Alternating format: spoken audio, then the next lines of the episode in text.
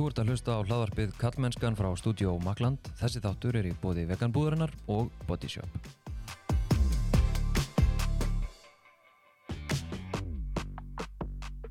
Ég heiti Þorstein Maf Einarsson og sé einnig um samfélagsmiðlinn Kallmennskan á Instagram og Facebook og kallmennskan.is en þar byrtast reglulega pislar og greinar meðal annars upp úr þessum þætti.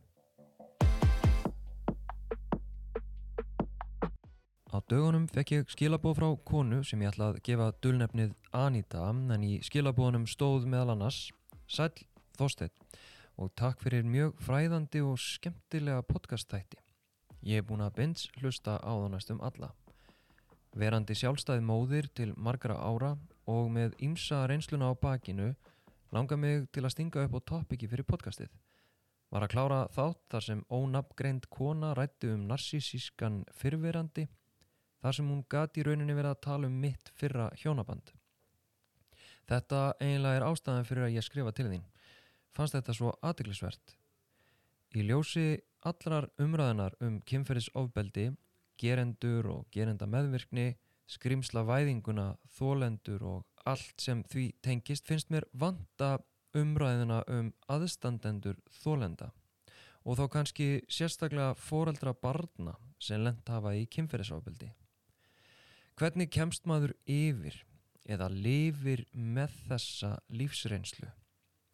Er eitthvað sem heitir nógu langur dómur?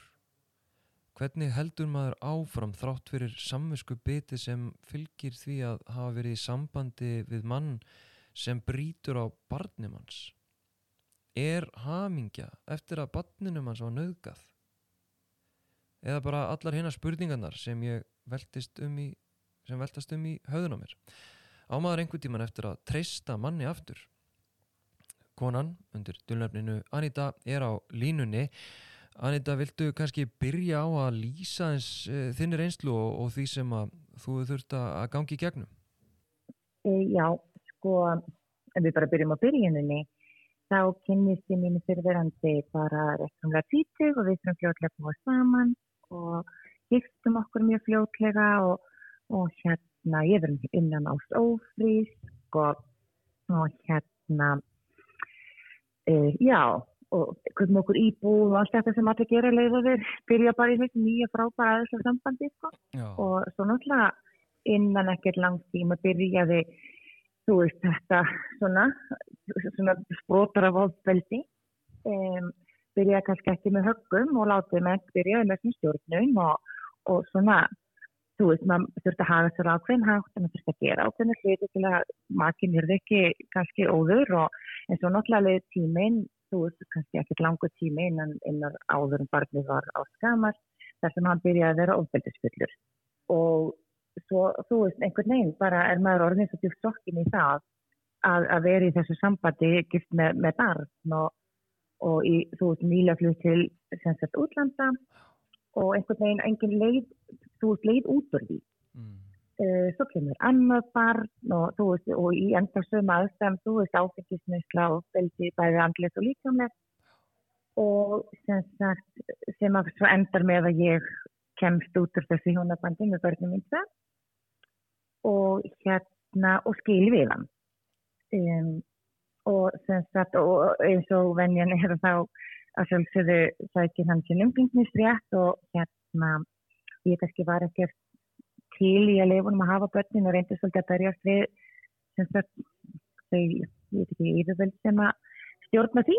Um, að sem sagt að neytanum um umgengni sökum sem sagt fyrir hefðunar og ofbeldi og áfengisneslu og, og hérna það var náttúrulega sjálfsög ekki tekið til greina við náttúrulega réttur fóreldur umgengni, umgengni við barnanum sem er sterkar heldur eitthvað barnana virðist oft vera allavega.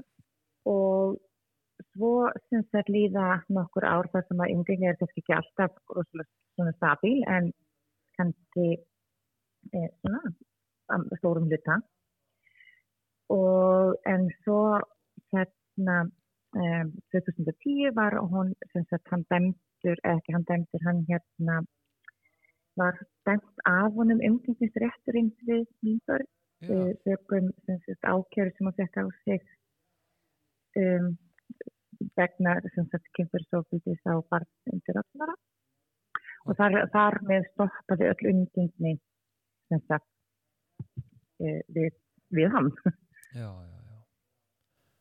Og, og skildiði rétt, semst, brautan þá líka á, á, á þínum börnum eða semst ykkar börnum eða? Nei, semst ekki, það var ekki þá sem að, semst að, það var ekki semst að ákjara gegn mínu barni. Nei. En það kom svo setna upp, semst að fyrir þærfum þreymur ára síðan segir dóttir mín frá kynferðisofbeldi sem hún var fyrir af blóðföðu sínum og, og það hérna náttúrulega sögum bæði ungsaldurs og, og allt það þá var það kæft að sé til öreglu og þá fór málaferðli í gang.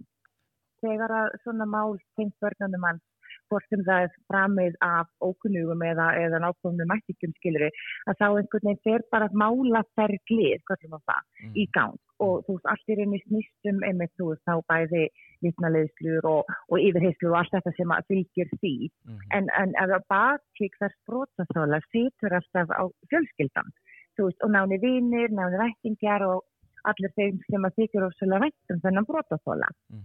og maður fær einhvern veginn enga sjálfsög ekki til leiðbynningahandbók en, en það er engin leiðbynning kannski í kringum hvernig getur maður stutt barni sitt þegar það segir frá ofsalega erfiðri lífsreifni eins og þessari.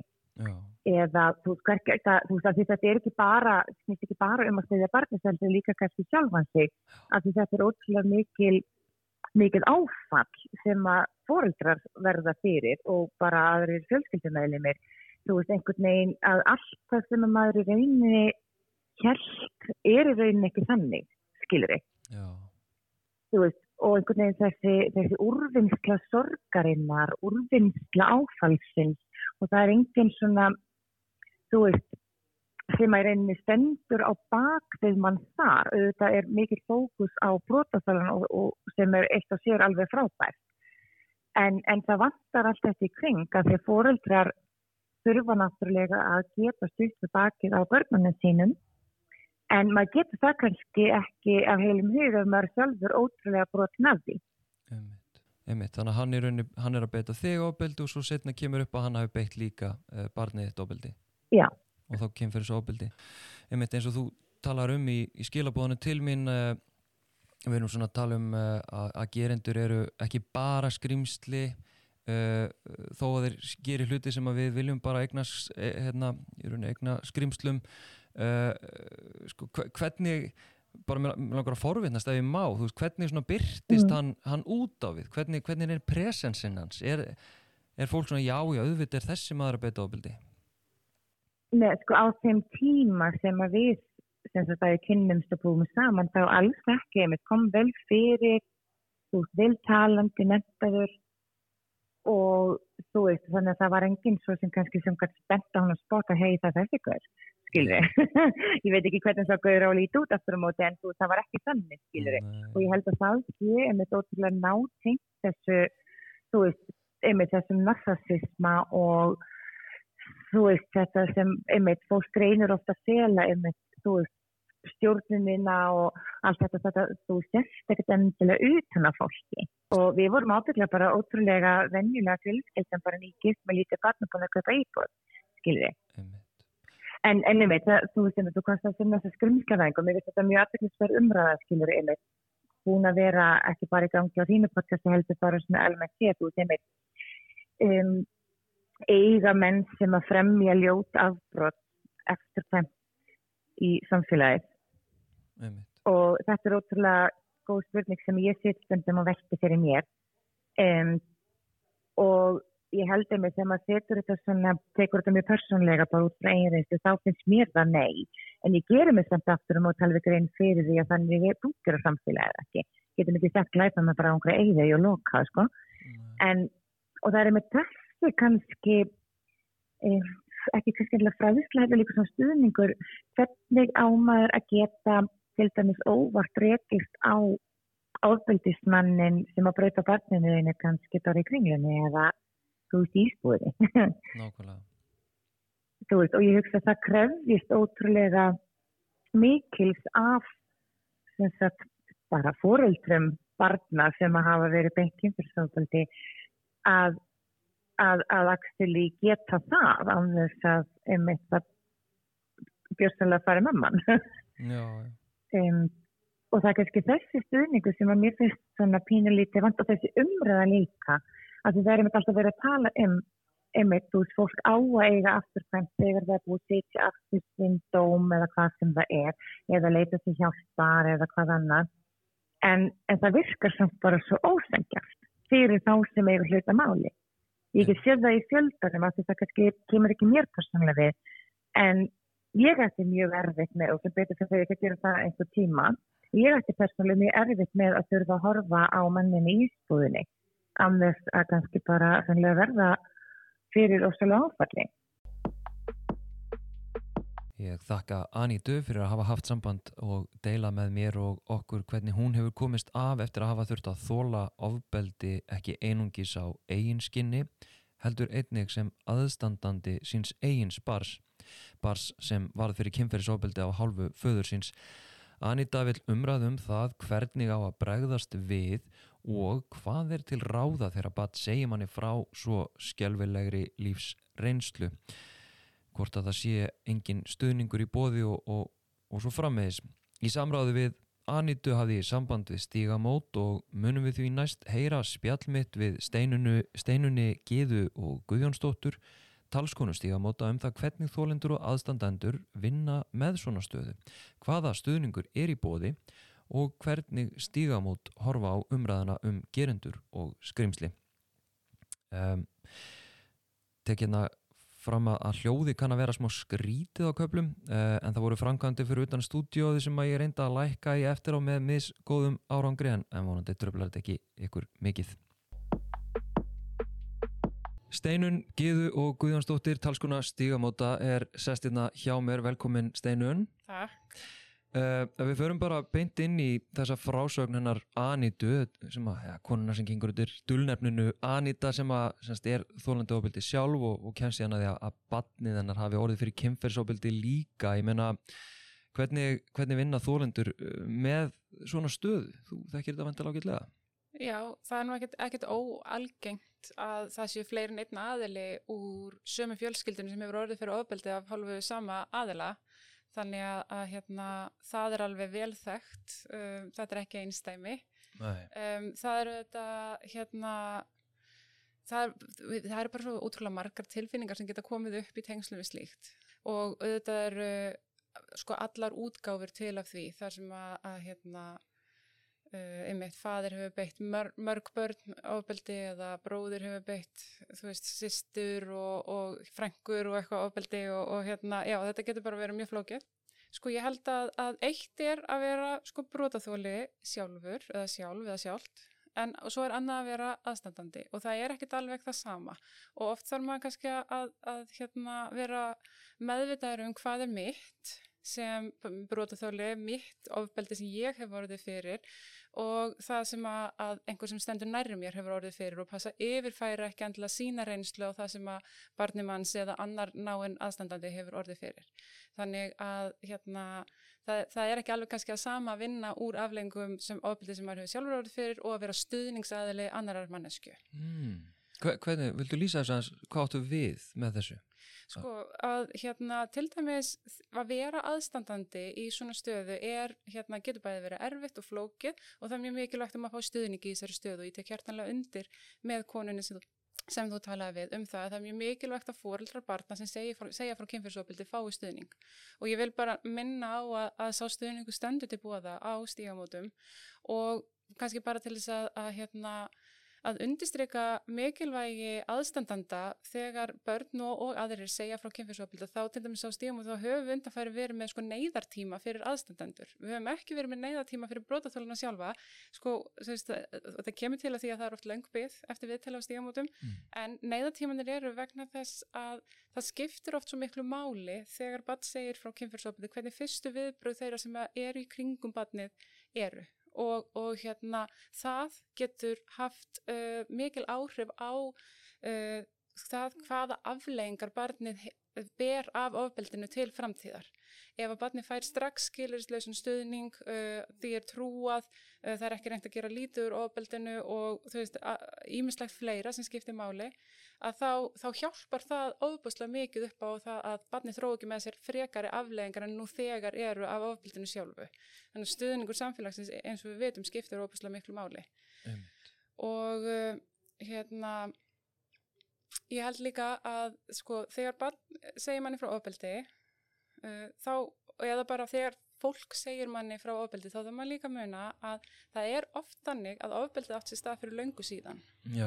Um, það er auðvitað getur gerist það líka að manni er sagt frá ofbeldi sem átt sér stað í gæri eða í síðustu viku og það er auðvitað frábært þegar fólk hérna uh, getur sagt strax frá ofbeldinu en oft er það þannig að barni er búið að burðast með þetta í mörg ár og er komin á ákveðin stað gagvart ofbeldinu. Mm. fyrir foreldrið sem er að heyra þetta í fyrsta skipti er þetta áfall mikið áfall. Og þau geta bröðust við með ímsum tilfinningum, mikill í reyði hótanir í gard, gerandans um, ætla sér að taka uh, völdin í eigin hendur og, og jáfnveg lemja gerandan eða e eitthvað, þú veist það getur verið alls konar. Um, þannig að en og þá þá maður sko að vera að vita þetta, þetta er mínar tilfinningar þetta er ekki, sko barnið er ekki endilega eða þólandin er ekki endilega á þessum stað þólandin er mögulega ekki reyður eða hérna þólandin vil mögulega á þessum tímúti ekki að neitt komi fyrir gerandan veist, það, þannig að maður þarf að vera döglegur aðgrein og þess vegna skiptir sko stuðningurinn hjá fagaðilum máli Þannig að mm. það er ekkert auðvelt að sjá allt þetta í tilfinningarótinu sem fylgir því þegar mann er trúað fyrir ofbeldi. Svo langar mér bara að benda á það að á heimasíðu stígamóta undir uh, fræðslöfni þar er flipi sem heitir bara fjölskyldur og aðstandendur og þar eru góð ráð til aðstandenda. Þegar bróðaþóli trúir þær fyrir ofbeldi nokkur atrið sem aðstendendur geta haft í huga til þess að hjálpa sinni mannesku sem best að, að takast á við þessar afleðingar. Ummitt, ok. En getur þú kannski þá eitthvað skýrt þessa upplöfun hennar að, að, að það sé engin stuðningur fyrir aðstendendur eða, eða takmarkaður? Já, ég held að það sé nefnilega alveg rétt hjá henni að það sé takmarkaður stuðningur. Um, ég, sko ég, ég þekkju þetta ekki nákvæmlega hver stuðningurinn sem er sem býst í kerfinu um, ábyrði gegn börnum er skiliðislaust barnaðendamál þannig að þegar fóreldrar heyra af ábyrði gegn börnum þá eiga þeirra tilkynna þetta barnavendar og þar ferða ég á hvem farveg og mögulega í kæruferðli og auðvitað ætti þar að bjóðast einhver stuðningur og það getur vel verið að hann sé að einhverju leiti til staðar en megin fókusin þar er auðvitað á barnið sjálft og, og síðan gerandan eða rauninni að, að, að, að fara með máli í eitthvað svona ferðli gagvart gerandanum. Okay. Þannig að ég, ég held að það sé alveg rétt og við hefum heyrsta frá mörgum fólkdrum að þeim finnist þeir svolítið einir eftir. Þess vegna, og þetta gerist bara kannski nýlega á stígamótum við höfum verið að leggja me meiri áherslu á fóreldra barna sem aðstættendur. Okay.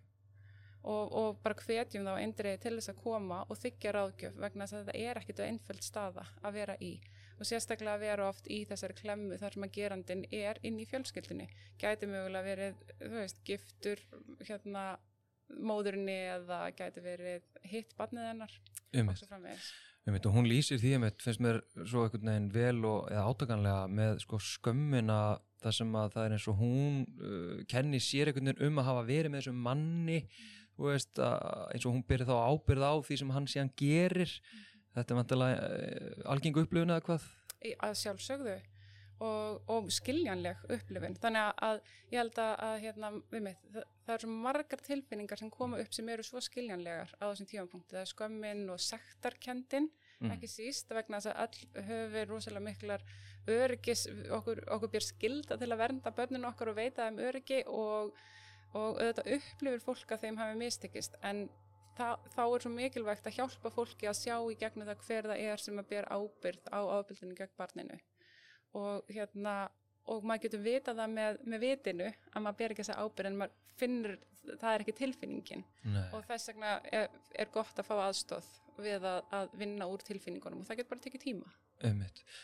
Hvernig fer þessi stuðningur, mér langar að það fórhundast með stuðningin hérna, sem að þið bjóðu upp á fyrir aðstandendur mm. og jáfnvel þessi neyðar stuðningur mm -hmm. Hvernig fer hann fram, hvernig er þetta? Já þetta eru bara einstaklingsviðtöl hjá fjölskyldur ágjöfum á stígamótum og hérna þegar þú bara pantar tíma og kemur og hittir ráðgjafa og þá er bara málið lagt á borðu og farið yfir það og vegna þess að aðalega er þetta bara aðstóð við að, að greina á milli hvað eru mínar tilfinningar, hvað er eðlilegt í þessum aðstæðum um, hvað, þú veist að því að margir sérstaklega vorum kannski komið með fullorðin börn, þú veist ef að barnið þetta er 19 eða 20 ára að segja þér frá þessu þá er þetta ekki, er þetta ekki lengur barnavendamál og því langar kannski bara að taka öll ráðin af barninu og, og ákveða fyrir barnið að það eigi að kæra og, og, og úlingurinn eða ungmennið er ekki á þeim stað og þetta getur orðið rosalega spenna þarna á milli þannig að við erum bara að hjálpa aðstandandanum að, að setja sér í spór uh, brotaþólans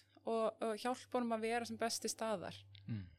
Byggt á allir þeirri reynslu sem við höfum af því að hitta brótaþólana og, og hérna, þeim skilningi sem við fengið frá þeim á því hvað þeir vilja helst að gerist í málunum þeirra.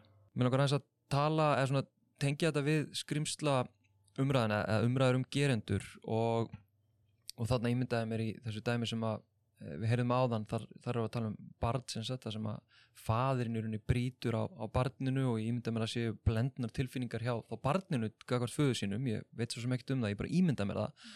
Uh, en þetta með þannig er ennett dæmið sko um að það er ekki hægt að þekkja gerendur utanfrá. Mm -hmm. hann er bara vel mentaður og ber sér vel og svo framvegis.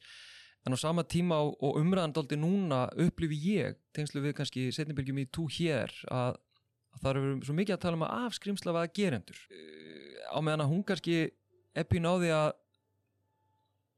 að það er eiginlega bara, þetta er bara skrimsli mm -hmm.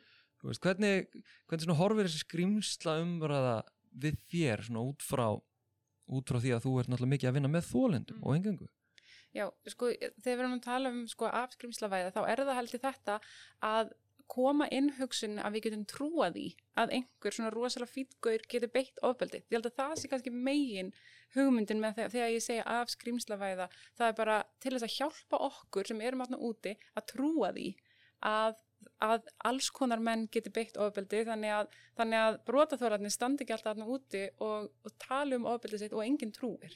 Vegna þess að getur bara ekki verið Im. að þessi gerir svona.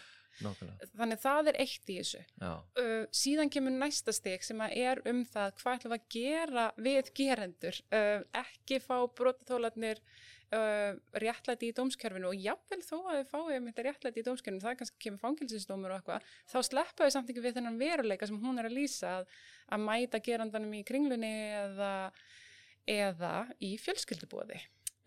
Og, og hérna um, og, uh, og það er mjög skiljanlegt að brotaþólinn upplifi gerandan sem skrimsli og ég verð, þú veist, auðvitað er bara sko sum ofbildisbrót sem maður hefur heyrt af og, og í gegnum vinnuna á stígum og þá, þá fær maður bara tilfinninguna að það er nú bara ekki allt í lægi þarna þessi maður bara er skrimsli Já. þú veist, í, í, í sumum, sumum brotum en, en hérna um, ég held að, að það er bara mjög skiljanlegt að brotaþólandi þurfi að fá rými til að setja mörg, jáfnvel þó að það sé langt liðið frá brotinu og jáfnvel þó að gera þinn hafi fengið dóm og setið inni, þá er samt mjög skiljanlegt að það er alltaf erfitt og jáfnvel áfall fyrir brotaþólan og aðstandendur þeirra að mæta gerandanum og förnum vegi eða einhver staðar í sínu nærumhverfi. Og það er þessi held í réttlætis umræða sem við erum í núna. Er hægt að að segja að, að gerendur sé ekki velkomnir hér eða veist þar uh, í annarkort í þínum, þínum nánustu rýmum eða einmitt í hennu ofnbæra rými, í fjölmiðlum, í, hérna, í áhrifastöðum og svo framvegis. Um, en ég held að, að með skrimslavæðinguna það snýst náttúrulega líka um það að undirstryka að sko við veitum að þriðja hver eða fjóruða hver eða fymta hver kona hefur orðið fyrir uh, kynbundna ofbeldi og eða kynferðisofbeldi sem að gefur til kynna að það sé um það byrð þá jafn margi karlar sem hafa beitt í. Um, þannig að uh, við þurfum einhvern megin að finna leiðir vegna þess að það, þeir verði ekki allir útilokaður úr samfélaginu, það verður bara ekki starfhæftu fungurandi. Þannig að já, brotaþólarnir sjálfur þurfa að fá að draga mörg einhver staðar en einhver staðar þurfa gerundunni líka að geta að lifa sínu lífi til þess að bara þú veist, já, við þurfum að finna eitthvað jafnvægi þarna á milli. Ummitt. En, en brotaþólanum, honum má alveg finnast gerandin vera skrimsli. Það er allt í lagi. Já, og síðan er það líka bara til í dæminu eins og líka aðeins nefnir að, að sumir virðast hreinlega að vera illa innrætt skrimsli og þá sko og það er doldið erfitt að því að umræða þegar við erum að reyna að taka einhverju umræða að færa nú úr einhverjum svona hjólförum Já. Að þá verður hún svo, svona annarkvort eða mm -hmm. og þú veist og, og umræðin sem ég upplifuna núna er búin að vera að gerendur eru ekki skrimsli eða skilur Mm -hmm. og eðlilega og ég hef alveg fengið þú veist ég var aðeins farin í þessu umræða og fengið þá viðbröð bara herði jú Mhm. gerendur eru skrimsli ég bara vil ekki sjá þessa af skrimsla væðingu og bara fengið bara verulega hérna já, reitt fólk til mín Mhm. þannig að hvernig horfir á þetta Meina, hver, sko, að því þú segir menna, þetta er mjög mikilvægt fyrir þólendur að við hérna, tölum um það bara upp á fólk trúi og fólk hérna, getur stutt við brotaþóla Mm. uh, Já, hvernig er það að færa þetta úr stað? Já, ég veit að þegar svo erum við svo sko, fljóta að fara yfir í réttlætingar. Um, hann gerði þetta óvart, hann vissi ekki hvað hann var að gera, hann er bara afur samfélagsins. Um, með þessu erum við alltaf að taka í rauninni ábyrðina af gerandanum. Um, útskýra í burtu það sem hann gerði og það er kannski ekki það sem að hjálpar brotaþólunum. Brotaþólunum vilja þetta að gerandanir, gerandanir taki ábyrð, horfist í augu við það sem þeir hafa gert og taka ábyrð á því. Uh, vissulega hafa samfélagsleg uh, hérna, viðþorf áhrif og allt það en, en hérna við, veist, við erum svo þegar við erum loksins farin að trúa því að góðir strákar beiti kynfyrsofbeldi þá er næsta skref í, í, í því að okkur, því okkur finnst þetta allt svo erfitt að byrja að útskýra og réttlæta af hverju er gerði þetta. Við þurfum að komast líka aðeins yfir það.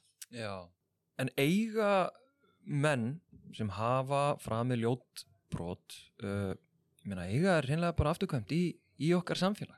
Ég meina öll reynsla sínur okkur að þeir eru fullkomlega afturkvæmt í okkar samfélag vegna þeir eru allstaðar sko og hérna um, í alls konar áhrifastöðum og, og í fjölvelum og í fjölskyldubóðum og bara þú veist þannig að, þannig öll reynslan gefur til kynna að þeir eigi afturkvæmt í samfélagið.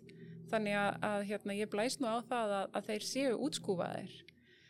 Það hefur ekki gerst í miklu mæli að menn sem hafa verið upp í sér á ofbeldi séu raunverulega útskúfaðir. Þeir eru að, að keppa í íþróttum og koma fram á tónleikum og, og hérna, sinna sinni vinnu hvar sem að það kann að vera. Þannig að, að hérna, en já, sko, brotaþólar eru stundum að reyna að draga mörg og þeir eru stundum að byggja fjölskylduna sínar um að gera hluti eins og til dæmis að bjóða ekki manninum sem nauðgæða þeim í fermingaveislur eða í jólabóð eða í sunnudagsmat hjá mömmu. Og þetta, þetta er það sem að fólk auðvitað upplifir sem útskúin en þetta er rauninni það sem við segjum þetta er brotaþóli sem er að reyna að, að líta sem best eftir eigin velferð og líðan með því að draga mörg um það hvar og hvenar viðkomandi getur hitt sinn ofbilsmann Einmitt. Bara pælingar lokum ég hef svo oft heyrt að það sé triggerandi að, að sjá gerendan sinn eða Mhm. mæta gerendanum sínum eða vita á honum eitthvað stað skilur þá er ég að veltaði fyrir mér ef að við förum að sjá gerendur axla það ábyrð eins og í rauninni brota þólar vilja sjá það axla ábyrð auðvitað viljum við útrýma ofbeldi en ég er að tala um þá afleðingarnar Ég meina, gæti þetta stutt við uh, úrvinnslu brotaþóla á þeim brotum sem hafa verið framin ef að gerendur gangast við þeim að fullu Já, það myndi klálega styðja við úrvinnslu brotaþóla á brotinu. Að fá viður kenningu á því að það hafi verið brotið á þeim og að, að þeirra upplifun af þessu hafi verið sönn og rétt. Vegna þess að það sem að brotaþóla eru ofta að burðast með eru alltaf að efast um það og þeir eru alltaf að hugsa, margir eru alltaf að, þú veist, þeir eru fullir á sektarkend Mhm. yfir því að þetta hafi komið fyrir það og skömm og, og hérna, ef það er einhver annar sem liftir þessu af þeim sem að tekur fulla ábyrða á því á þessu broti þá já, þetta, það hjálpar og þá ég, mætti ímynda sér að það sé ekki jafn triggerandi að hitta viðkomandi mannesku vegna þess að, að það er búið að taka ábyrð um, það breytur auðvitað ekki því að brotaþólinn getur samt auðvitað verið með miklar afleðingar af brotinu, hann getur verið að upplifa áfallastreitu og hérna sjálfskaðandi hegðun eða þunglindi kvíða og svo framvegis. En það myndi mögulega draga úr einhverjum af þessum afleðingum Steinun Gíðu og Guðjónsdóttir talskona stigamóta takk hjá fyrir að koma og spjalla við mig